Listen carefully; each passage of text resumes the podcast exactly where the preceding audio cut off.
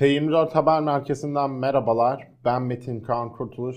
Her Perşembe olduğu gibi Barış'ın inançla birlikte bir dış politikayla içli dışlı programında daha karşınızdayız. Bugün 29 Aralık 2022 ve 2022'nin son programını yapıyoruz Barış'ınla birlikte. O yüzden bu sene bu seneyi genel bir dış politika çerçevesinde değerlendireceğiz. Hoş geldin Barış'ın. Merhaba. Şimdi tabii ki yılı konuşmaya başlamak için yılın en büyük olayını konuşmamız gerekiyor ilk önce. 24 Şubat'ta dünyanın trajektörüsünü değiştiren bir olay yaşandı. Ne oldu? Rusya Ukrayna'ya uzun süre konuşulduktan sonra saldırdı ve işgal etmeye başladı. Bu da Avrupa'nın göbeğinde ve bizim hemen kuzeyimizde bir savaş başlattı. Bu işgal tüm dünyayı etkisi altına aldığı gibi tabii de Türkiye'yi de etkisine aldı. Biraz daha gerisine gidecek olursak tam 21 gün önce 3 Şubat'ta Cumhurbaşkanı Erdoğan çok büyük bir heyetle birlikte Kiev'e gitmişti. Bunun içinde Milli İstihbarat Teşkilatı Başkanı Hakan Fidan da vardı. Savunma Bakanı Savunma vardı. Bakanı büyük bir çıkarma vardı. yaptı. Büyük bir çıkarma yaptı. Yani tam savaştan 21 gün önce. Evet. Ve savaş davulları çalıyordu zaten kapıda ve burada savunma işbirliği konuşuldu. Cumhurbaşkanı Erdoğan'la Zelenski arasında Baykar'ın üretiminin yani Bayraktar İHA'ların üretiminin de işbirliği gündeminde olacağı konuşuldu. Ve 24'ünde savaş başladı ve Türkiye'de çok yoğun bir diplomasi trafiği başladı. Savaşın ilk günlerine dönüp oradan biraz başlayalım Barçın. Evet aslında savaşın yani 24 Şubat'tan değil de meseleye 3 Şubat'tan başlatmamız yani e, Cumhurbaşkanı'nın e, büyük bir heyetle tam da böyle Rusya'nın e, e, binlerce askerini Ukrayna sınırına e, yaydığı ve Amerika'nın savaş geliyor dediği bir dönemde Cumhurbaşkanı Recep Tayyip Erdoğan'ın e, Savunma Bakanı e, işte e, ve aralarında e, MİT e, müsteşarının da e, olduğu bir heyetle Ukrayna'yı ziyareti bence e, çok e, çarpıcıydı. E, bu özellikle bize 2022'de e, e, savaş sırasında e, Türkiye'nin e, bir taraftan Ukrayna'ya ne kadar destek e, verirken e, bir taraftan işte e, Rusya'yı da bunu yaparken de Rusya'yı da ürkütmemeye çalışması açısından bence çok dikkat çekiciydi. Çünkü savaşın ilk dönemlerinde birazdan konuşacağız. Özellikle e, bayraktarların çok büyük sükse yaptığını biliyoruz.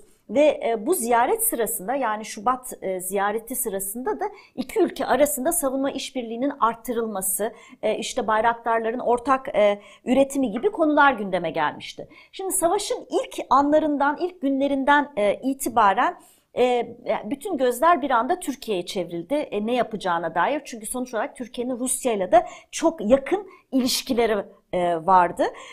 Şimdi yıl boyunca e, Cumhurbaşkanı Erdoğan e, şöyle bir söylem ya da onun yakınları şöyle bir söylem e, kullanmaya çalıştılar. İşte Türkiye denge politikasını izliyor. E, biz ne Ukrayna'dan vazgeçebiliriz ne Rusya'dan vazgeçebiliriz. Şimdi e, ve de bazıları da tarafsız Türkiye tarafsız bir politika izliyor demeye kadar getirdi ki bana göre bu çok yanlış. Yani tarafsızlık kelimesi çok yanlış.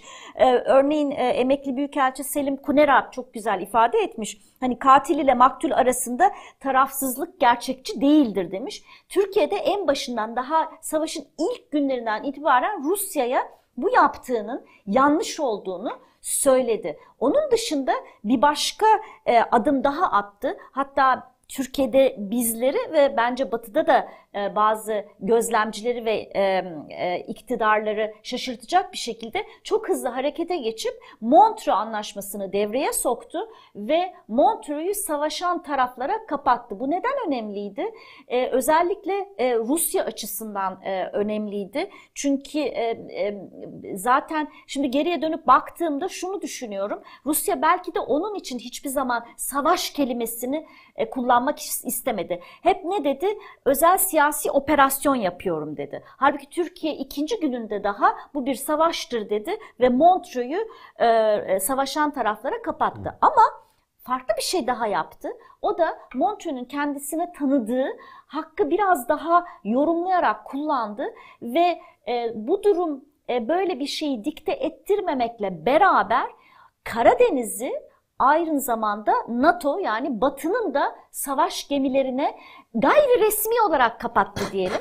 Çünkü e, Savunma Bakanı'nın e, özellikle ifade ettiği gibi biz nezaketen batılı müttefiklerimize e, savaş gemilerinizi göndermeyin dedi. Yani bir anlamda Türkiye gayri resmi olarak batılı müttefiklerine ya benim Rusya ile papaz olmama neden olmayın. Buraya savaş gemisi göndermeyin. Ee, ki hani benim de başım rahat rahat etsin demeye getirdi. Şimdi Türkiye'nin Montreux ile ilgili bu tavrı aslında ilk günlerde özellikle batılı e, başkentlerde e, bence e, ciddi şekilde pozitif bir veri olarak algılandı. Ayrıca işte savaşın ilk günlerindeki o bayraktarların vesairesi de yine evet. Türkiye açısından olumlu puan olarak göze göze çarptı ve o süre içinde savaşın daha ilk günlerinden itibaren hatta demin bahsettiğimiz 3 Şubat ziyaretinde bile Erdoğan, Zelenski ve Putin'i bir araya getirmeye çalışma e, e, girişimlerine daha o zirvede başlamıştı yani Kiev ziyaretinde. Ondan sonra da iki tarafı bir araya getirmek için çok uğraştı bu ilk 3-4 aylık süre içinde. Evet bunlardan en göze çarpanı tabii ki 10 Mart'ta henüz savaş çok gençken aslında Dışişleri Bakanları Antalya'da bir araya geldi. Hem Ukrayna Dışişleri Bakanı hem Rusya Dışişleri Bakanı Lavrov masadaydı Kuleba Lavrov ve aynı zamanda Dışişleri Bakanı Mevlüt Çavuşoğlu da oradaydı. Ve bir görüşme gerçekleştirdiler. Bu görüşmeden sonuç çıkmadı. Zaten barış çıkması pek beklenmiyordu ama yine de masada oturduğunda belki bir ilerleme kat edilir diye düşünüldü ama öyle bir yol alınmadı. Hemen akabinde ay sonunda 29 Mart'ta Dolmabahçe'de heyetler bir araya geldi bu sefer de. Barış görüşmeleri diye nitelendirildi basında. Bu süreçte de Rusya bir taslak sundu Ukrayna'ya ama tabii ki Ukrayna'nın kabul edemeyeceği işte toprak verme, özellikleri kabul etme gibi maddeler vardı içinde. Ama bu süreçte farklı bir şey de gözlemledi. İlk başta savaş çıktığında Barçın hatırlayacaksın. Bir haftada Rusya Ukrayna'yı alır gibi bir hava hakimdi. Fakat öyle olmadığını gördük. Savaşta ilk başta Kiev'in çevresine kadar gelen Rus ordusu bir yerden sonra ciddi anlamda ilerlemekte zorlanmaya başladı. Daha sonra da savaşın ortasında 6. ayda çekilmeye başlamak durumunda kaldılar. Burada da tabii dediğin gibi ilk aylarda en çok konuşulan şeylerden biri hatta Ukrayna'da hatırlayacaksın bestesi bile yapıldı. Baykar tarafından üretilen Bayraktar SİHA'ları oldu. Bu da tabii ki Türkiye'nin gündemde farklı bir şekilde de yer almasına sebep oldu.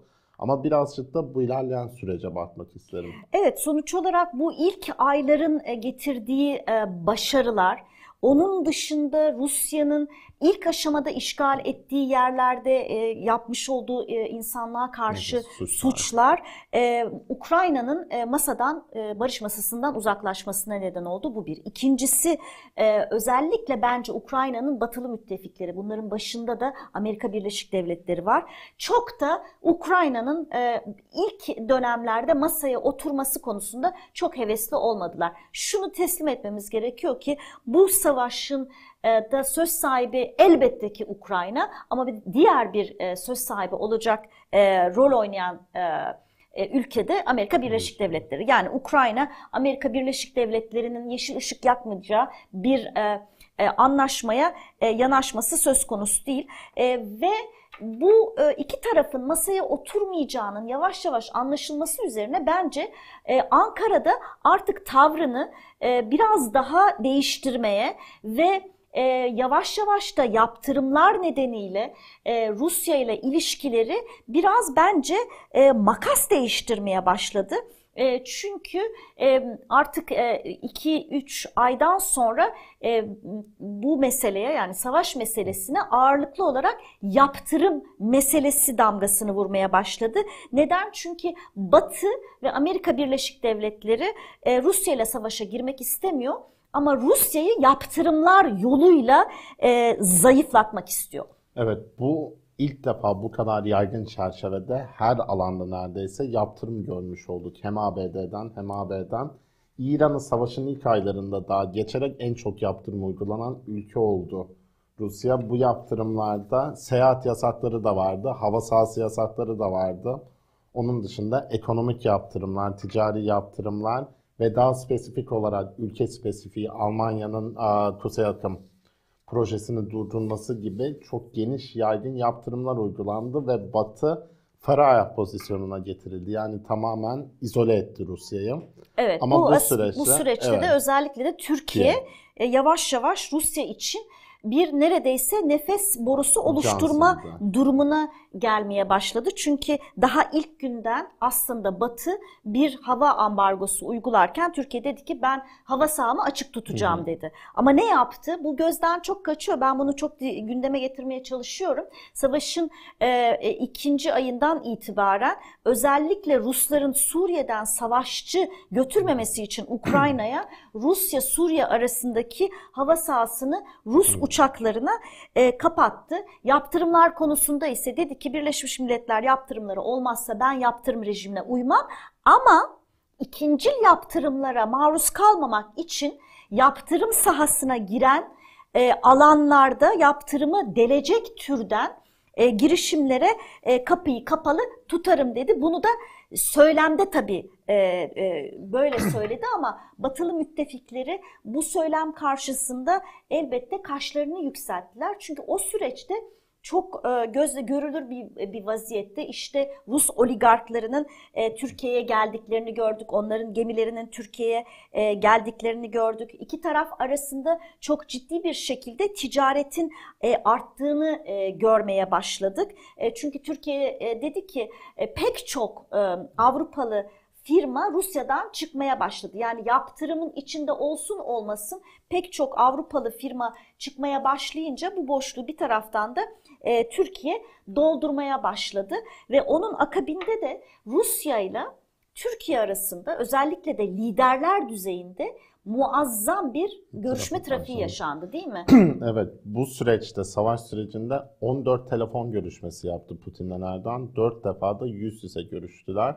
Bunların çoğunda masada zaten ana gündem Ukrayna Savaşı'ydı. Evet ve bu bu bu görüşmelerde bize herhalde e, bence en azından e, hem bizim açımızdan hem de dünyanın hiç unutamayacağı bir görüntü vardı. Hı hı. E, o da e, işte Erdoğan'ın e, Putin'i bekletmesi çünkü zamanında da e, Putin e, Erdoğan'ı beklettiği için e, Tahran e, zirvesinde e, Erdoğan e, işte Putin'in e, Erdoğan'ı e, böyle beklerken gayet sinirli evet. tavırları olduğu bir görüntü bence 2022'ye açıkçası damga vurdu diye e, düşünüyorum. E, fakat işte bu Tahran görüşmesiyle akabinde gelen Soçi e, görüşmesi, Soçi zirvesi bence e, Rus-Türkiye yakınlaşmasında e, çok özel bir eşik oluşturduğunu düşünüyorum. Bence Putin e, şöyle düşündü. Madem Türkiye bana bu kadar nefes borusu sağlıyor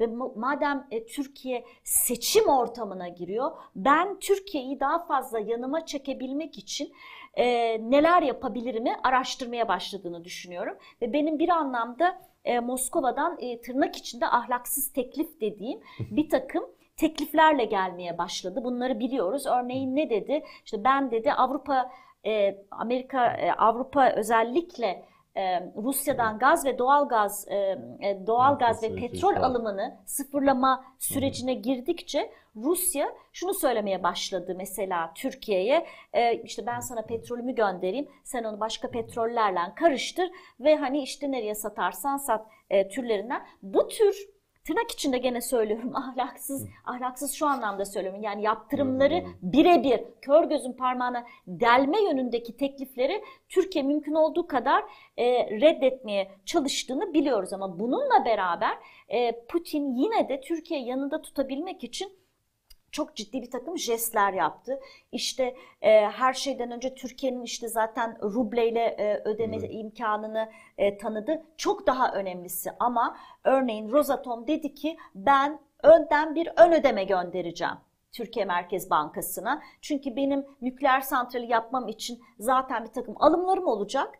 E, Bunları her alımda e, para göndermek yerine topluca bir para göndermesi yaptı ki ben bunu açıkçası e, Putin'in bir seçim rüşveti olarak görüyorum. Ve bu süreç içinde neredeyse Putin'le Erdoğan kaderlerini birbirlerine böyle bağlamış oldular doğrusunu söylemek gerekirse. Ve birbiri ardına da bir takım böyle Rusya'dan jestler geldi ki bunlardan bir tanesi de aslında tahıl anlaşmasına Rusya'nın yeşil ışık yakmasıydı değil mi? Evet, aslında o konuyla ilgili söylemek isteyeceğim şey senin de yorumlayacağın şey tahmin ediyorum.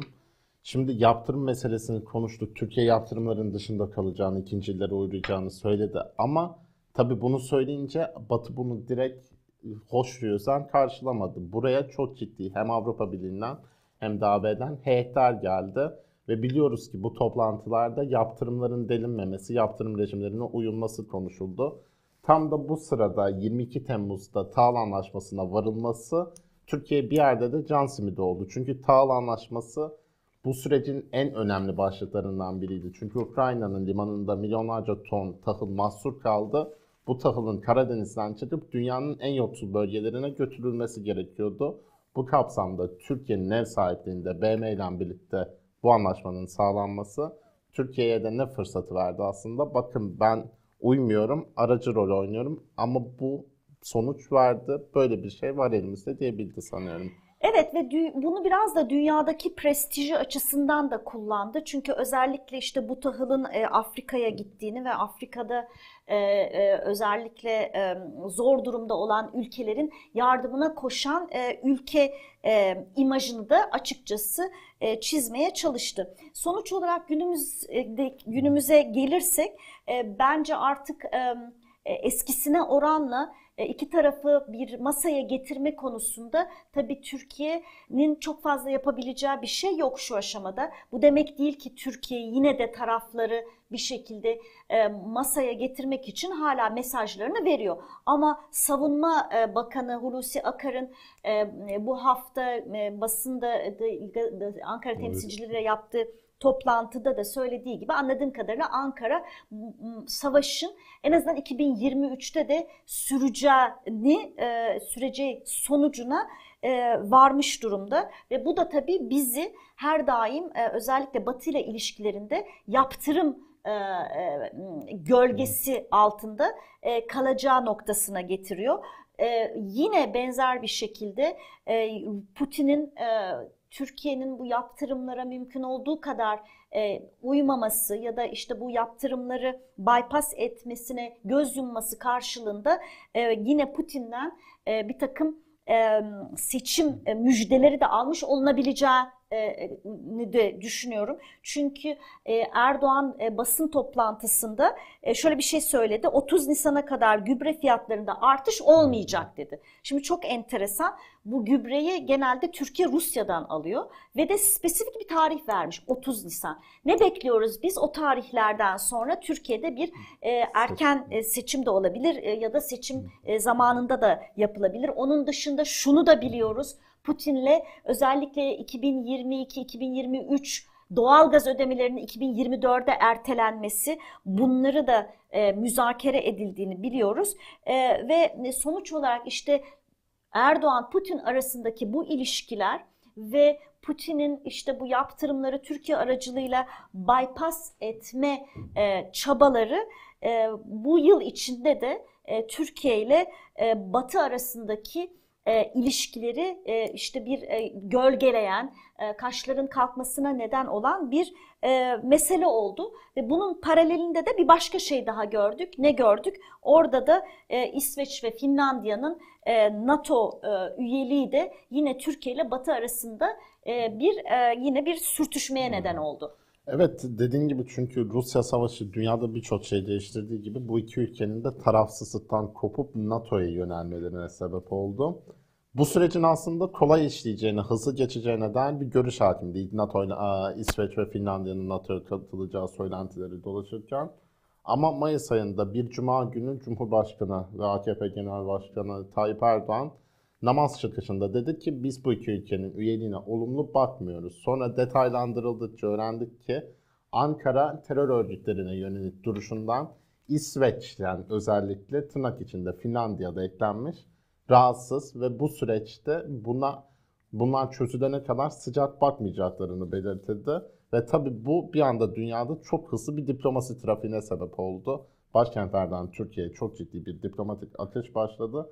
Ta ki Haziran ayında Madrid'de üçlü mutabakat imzalanana iadeler konusunda bir mekanizma işleyeceğinin konuşulmasına ve İsveç ve Finlandiya'nın terör konusunda daha dikkatli incelemelere başlayacaklarına ve gerekirse değişikliklerine gireceğine taahhüt etmelerine kadar geniş bir süreç tabii biraz hızlı geçmek zorunda kalıyoruz zamanımız dar olduğu için.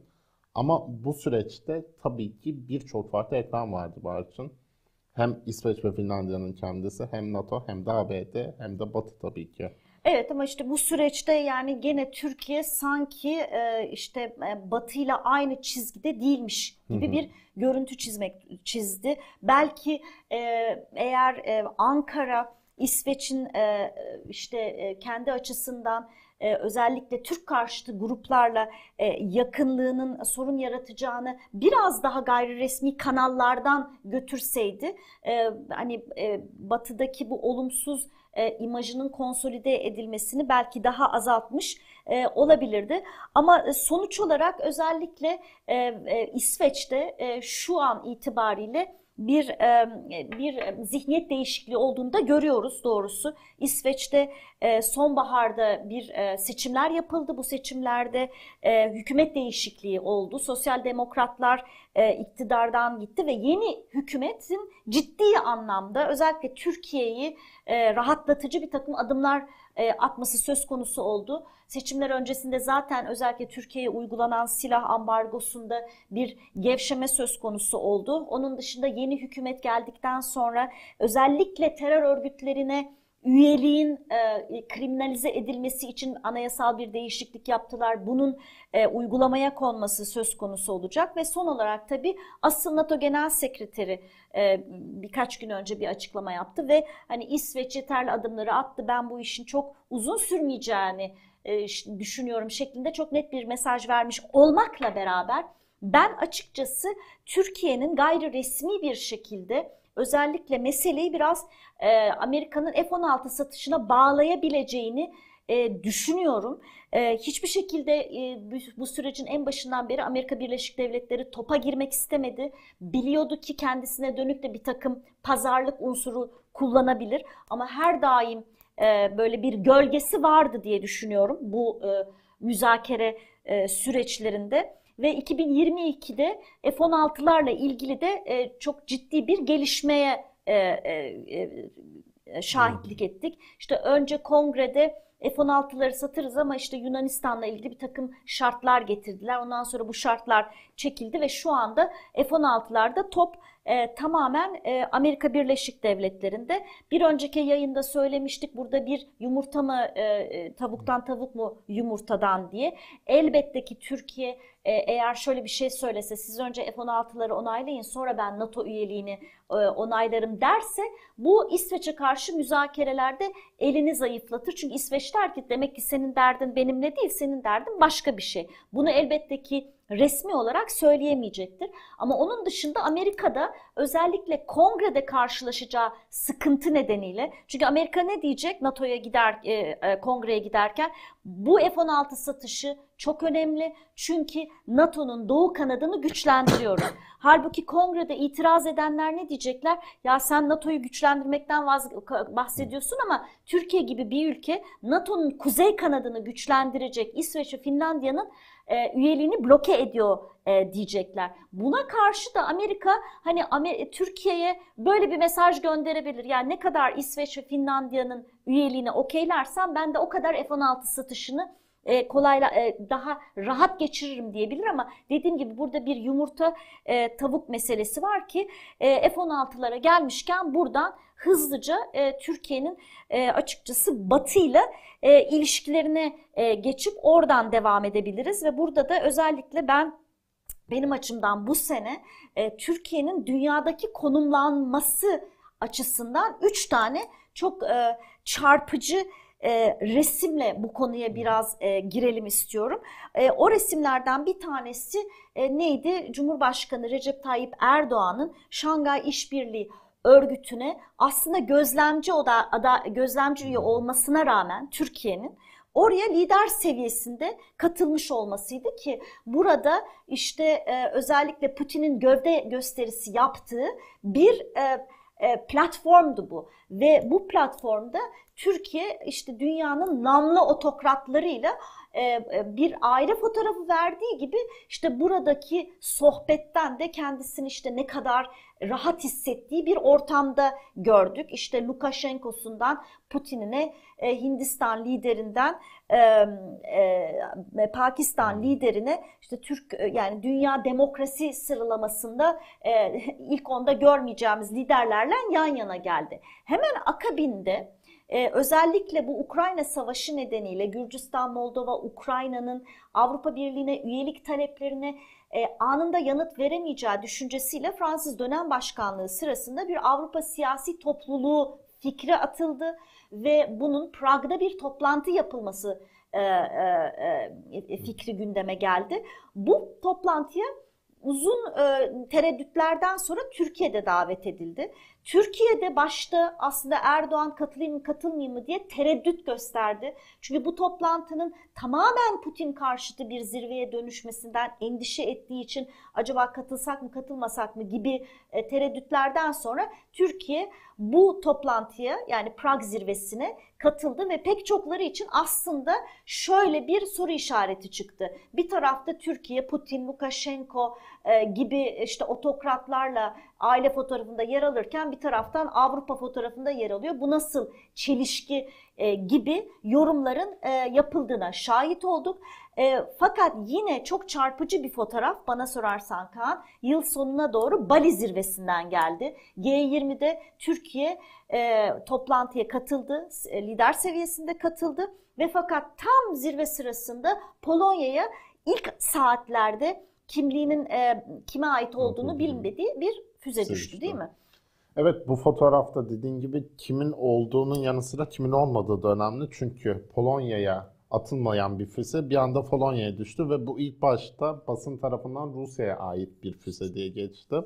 Dolayısıyla orada olan NATO liderleri bir anda toplandılar ve bu toplantıda Cumhurbaşkanı Tayyip Erdoğan yer almadı. NATO liderleri evet. demeyelim tam ama değil mi? NATO, Çünkü mesela evet, Japonya NATO liderleri ve aynı mesela zamanda Japonya NATO lideri aha, değil, Avrupa aynı Birliği zamanda değil. G8 ülkeleri, G20 G7. ülkeleri, G7 ülkeleri liderleri katıldı, AB liderleri de var.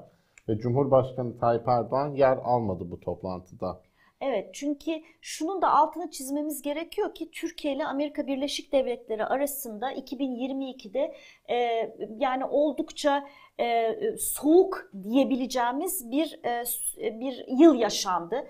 E, Türkiye e, Rusya Erdoğan Rusya lideriyle yakınlaştığı ölçüde e, aslında Batı'dan da bir anlamda e, uzaklaştı. E, Biden'la sadece uluslararası toplantılar marjında o da çok kısa süren görüşmeler yaptı.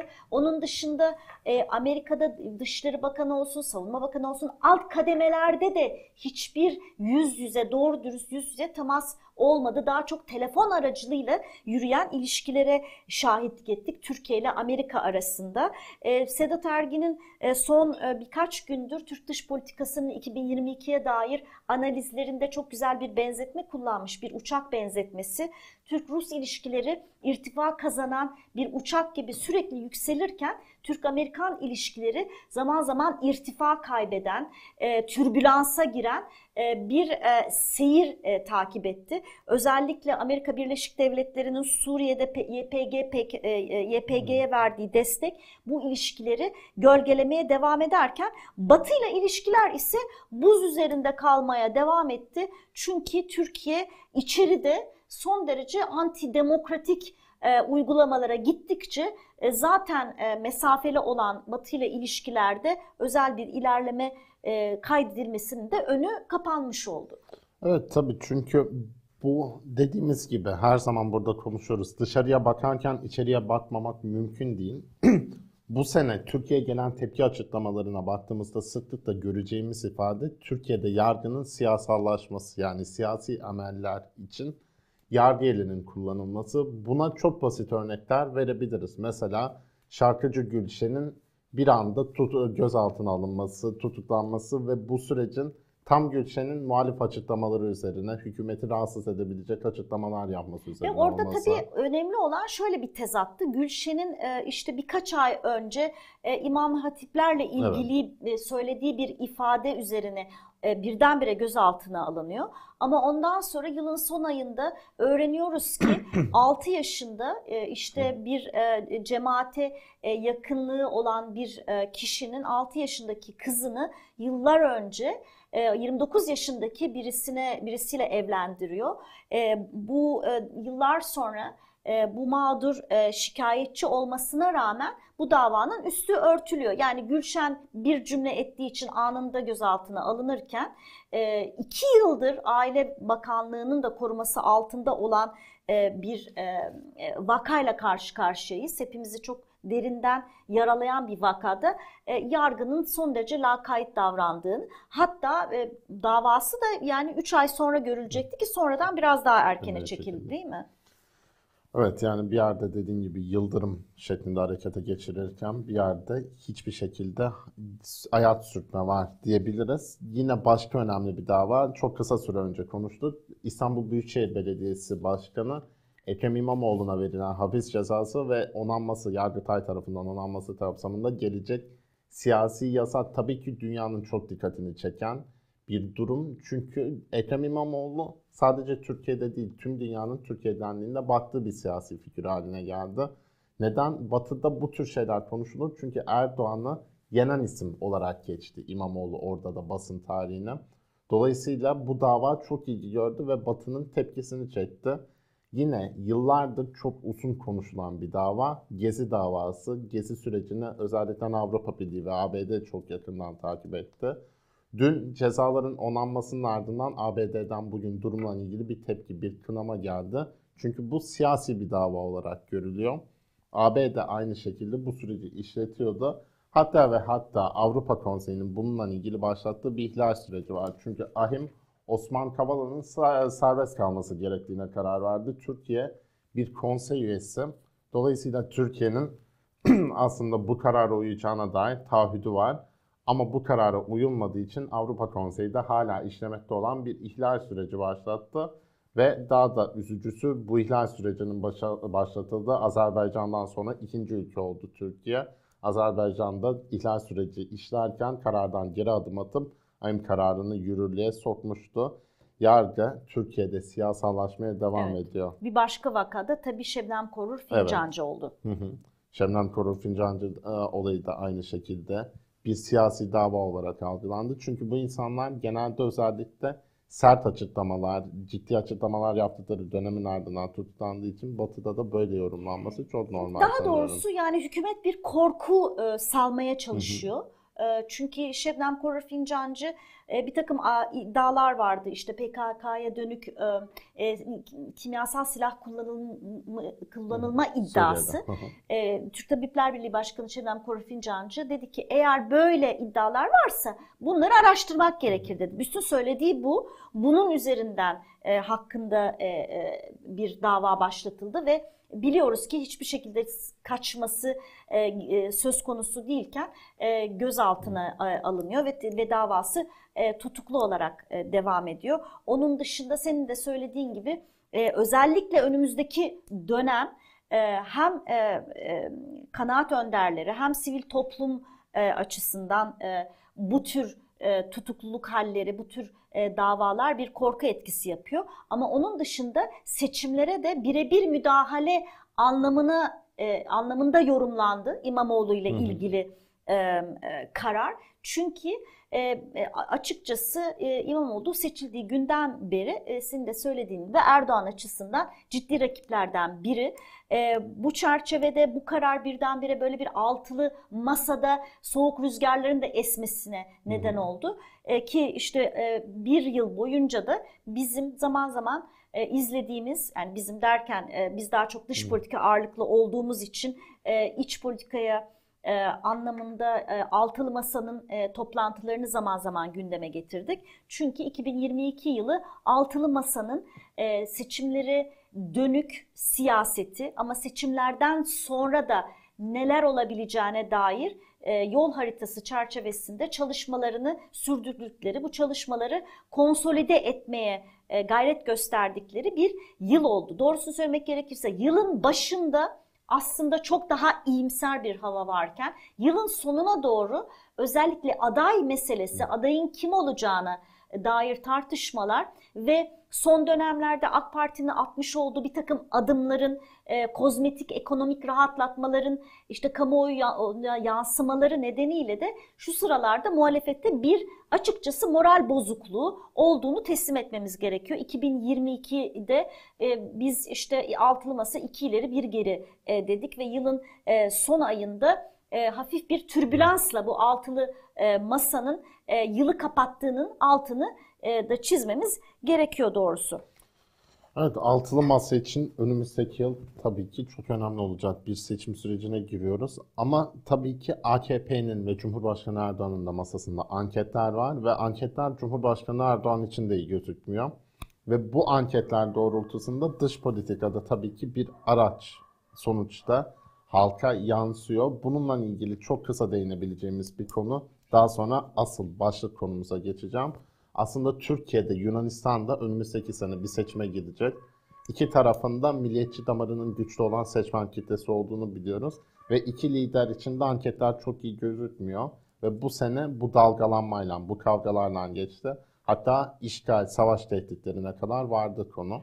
Evet, 2022 Türk Yunan meselesinde aklımızda kalacak olan bir cümleyle ne yazık ki kapanıyor. O da Suriye için sürekli olarak e, e, e kullanılan kullanılan e, ansızın bir gece gelebiliriz ifadesini e, ilk kez e, bu sene Erdoğan Yunanistan için e, kullandı ki bence çok vahim büyük bir e, yanlıştı.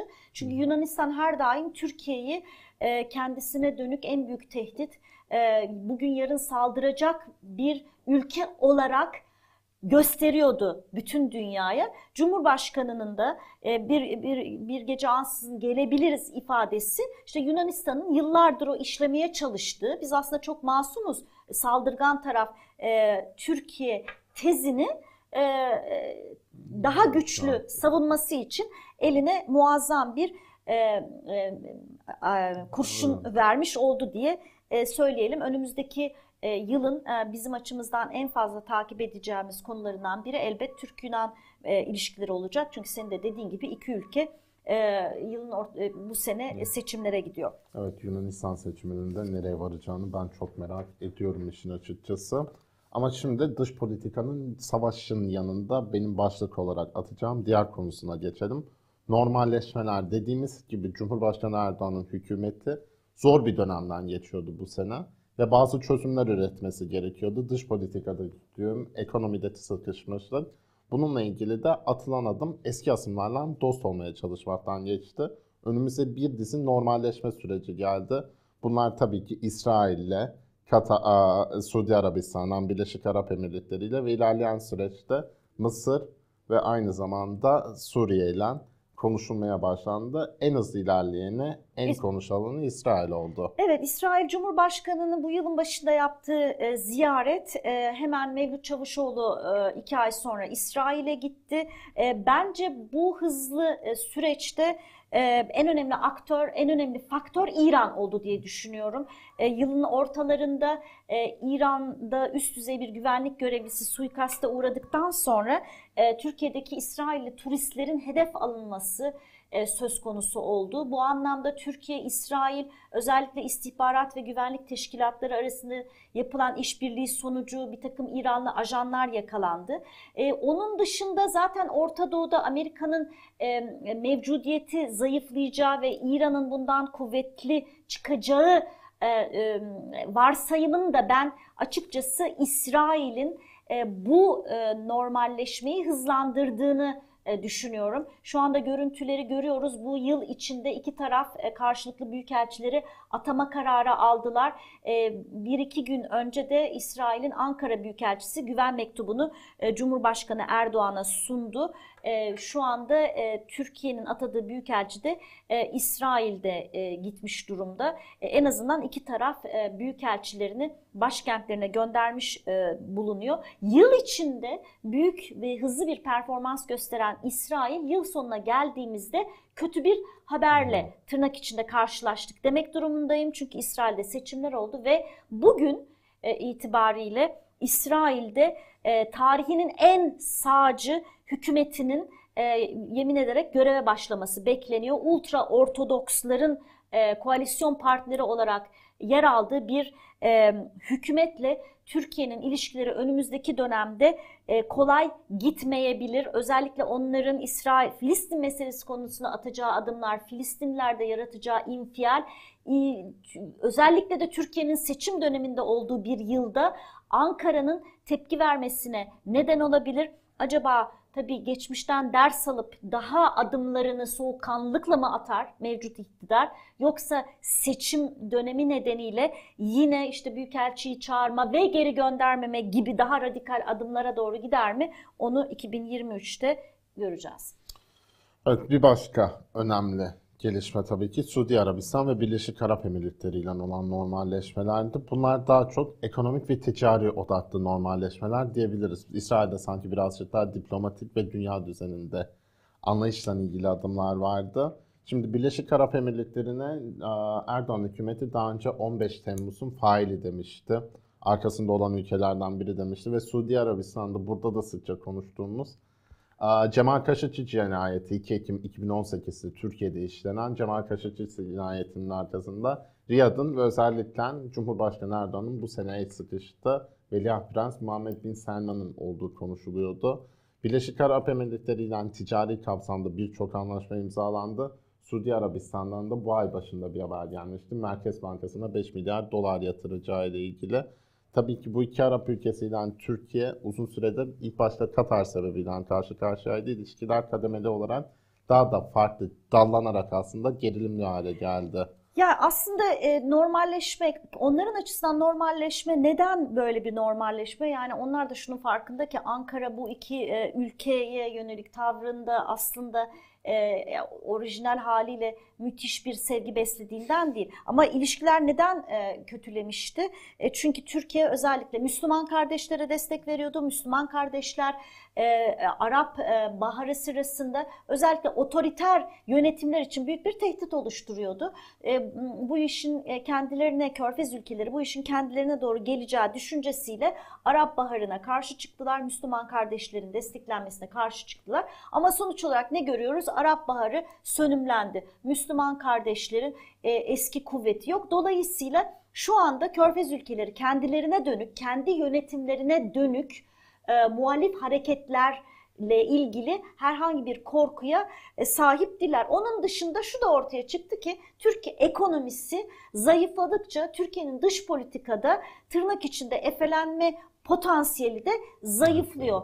E, bunu da gördükleri için biz madem ki işte Libya'da vesaire orada burada askeri olarak e, karşı karşıya geleceğimize biz Türkiye'ye paraları göndeririz ve Türkiye'yi bu şekilde yanımızda tutarız deme yoluna gittiklerini e, düşünüyorum. Ama Burada bizim tabii takip etmemiz gereken şey şu. Bu tür görüşmeler çok şeffaf olmadığı için bir takım yatırımlar, alımlar, satımlar, gönderilen paralar bunlar neyin karşılığında? Yani bunlar da herhalde ben yapıyorum ne yaparsan yap demiyorlar. Belki de karşılığında bir takım tavizler alıyorlar. O tavizlere biz şu aşamada vakıf değiliz açıkçası. Evet, zaman gösterecek. Müslüman kardeşler dedin. Cumhurbaşkanı Erdoğan'ın Müslüman kardeşler Arap Baharı'nda en çok destek verdiği ülke aslında Mısır'dı. Mısır'da İhvan yönetime geçtikten sonra Sisi darbe yapıp iktidara geldiğinde Cumhurbaşkanı Erdoğan Mısır'la bağı tamamen kopardı ve çok sert ifadeler kullandı Sisi'ye karşı.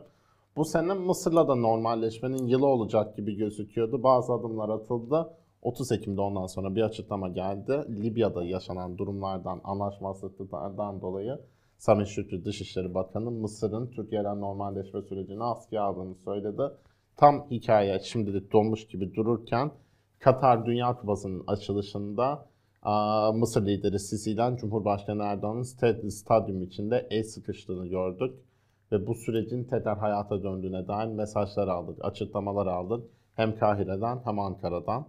Ve normalleşme süreci Mısır'la da şu anda rayına oturmaya çalışıyor gibi duruyor. en azından yıl sonu itibariyle bu kilidi, e, bu süreci açacak olan iki liderin el sıkışmasının önemli olduğunun altını çizmemiz gerekiyor. Ama bu değil ki çok hızlı bir normalleşmeye şahitlik eder miyiz? Ondan emin değilim. Çünkü yıl sonunda Mısır'ın özellikle deniz yetki alanları e, bazında almış olduğu bir takım kararlar özellikle Doğu Akdeniz'deki deniz yetki alanlarının e, belirlenmesi, Libya denklemi vesaire bu sürecin çok e, kolay ilerlemeyeceğini bize gösteriyor. Ama onun dışında tabii yıl sonu itibariyle asıl tırnak içinde bizim deyimimizle e, bomba Suriye e, e, düzleminde tırnak içinde patladı diyelim. Yani bomba patladı İstiklal'de bir bomba patladı aslında. Ne yazık ki e, e, çok ciddi şekilde e, bizleri yıl sonuna doğru sarsan en azından ölümle sonuçlanan çok kişinin yaralanmasına neden olan İstiklal Caddesi'ndeki e, e, bir e, terör olayı yine Suriye'ye dönük Türkiye'nin özellikle kara operasyonu yapma ihtimalini yeniden gündeme getirdi. E, buna rağmen hala Türkiye kara operasyonu e, na kalkışmış değil. E, bunun arkasında e, özellikle Rusya ve özellikle de e, Amerika'nın Hmm, karşı çıkması. var. Ama benim demin bahsetmek istediğim e, bomba e, e, diplomatik alandaki aslında bomba tırnak haberden bahsediyoruz. O da Cumhurbaşkanı dikkat edersen yıl boyunca sürekli bir Suriye ile normalleşmeye dair e, olabileceğine dair e, cümleler kullandı. Tabii her zaman küslükler olmaz dedi. Zamanı gelince konuşulabilir dedi. Ve en son e, dedi ki biz işte Suriye, e, Rusya e, ve Türkiye olarak üçlü formatta bir araya gelebiliriz. Ben böyle bir e, öneride bulundum Putin'e dedi Cumhurbaşkanı. Çünkü benim gördüğüm kadarıyla artık e, Ankara biraz e, Amerika'dan umudunu yitirmiş durumda. E, çünkü Amerika'nın gerçekten Suriye'de ne istediğini tam bilmiyoruz. Şu anda Amerika Suriye'de statükonun devam etmesini istiyor.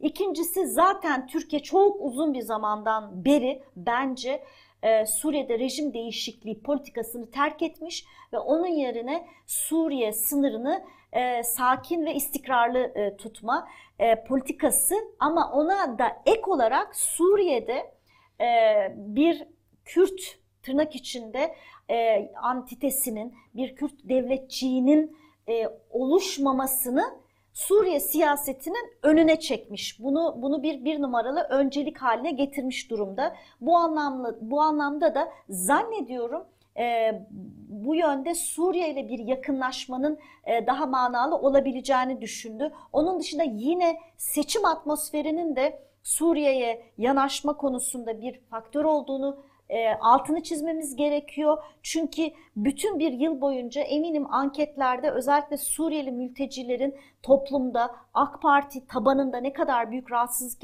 yarattığının farkında. Sadece ve sadece Suriye lideriyle yakınlaşıyor görüntüsü bile seçim ortamında AK Parti'deki kızgınlığı azaltabileceği gerekçesiyle de Cumhurbaşkanı'nın Suriye ile yakınlaşmayı hızlandırma arzusuna bu yıl girdiğini söyleyebiliriz. Bunun için Rusya'yı aracı olarak kullandığını e, görüyoruz ve e, demin bahsettiğim bombayı da birkaç gün önce e, e, ortaya daha doğrusu dün ortaya çıktı ki e, Savunma, Bakanı, ve Milli İstihbarat Teşkilatı Başkanı Hakan Fidan'la Hulusi Akar yani aa, Moskova'da Rusya'nın da masada olduğu, Lavrov'un da masada olduğu bir toplantıda Suriyeli mevkidaşıyla bir araya geldiler. Bu da o üçlü mekanizma açıklamasına akıllara getiriyor tabii ki.